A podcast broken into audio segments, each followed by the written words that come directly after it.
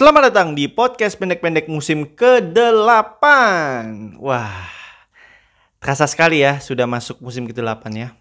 Setelah jeda kurang lebih dua minggu, akhirnya podcast pendek-pendek kembali lagi di musim ke-8. Podcast pendek-pendek musim ke-8 tayang setiap hari mulai tanggal 1 Desember 2021. Tayangnya dua kali sehari di platform audio dan untuk di platform video tayangnya terserah saya ya.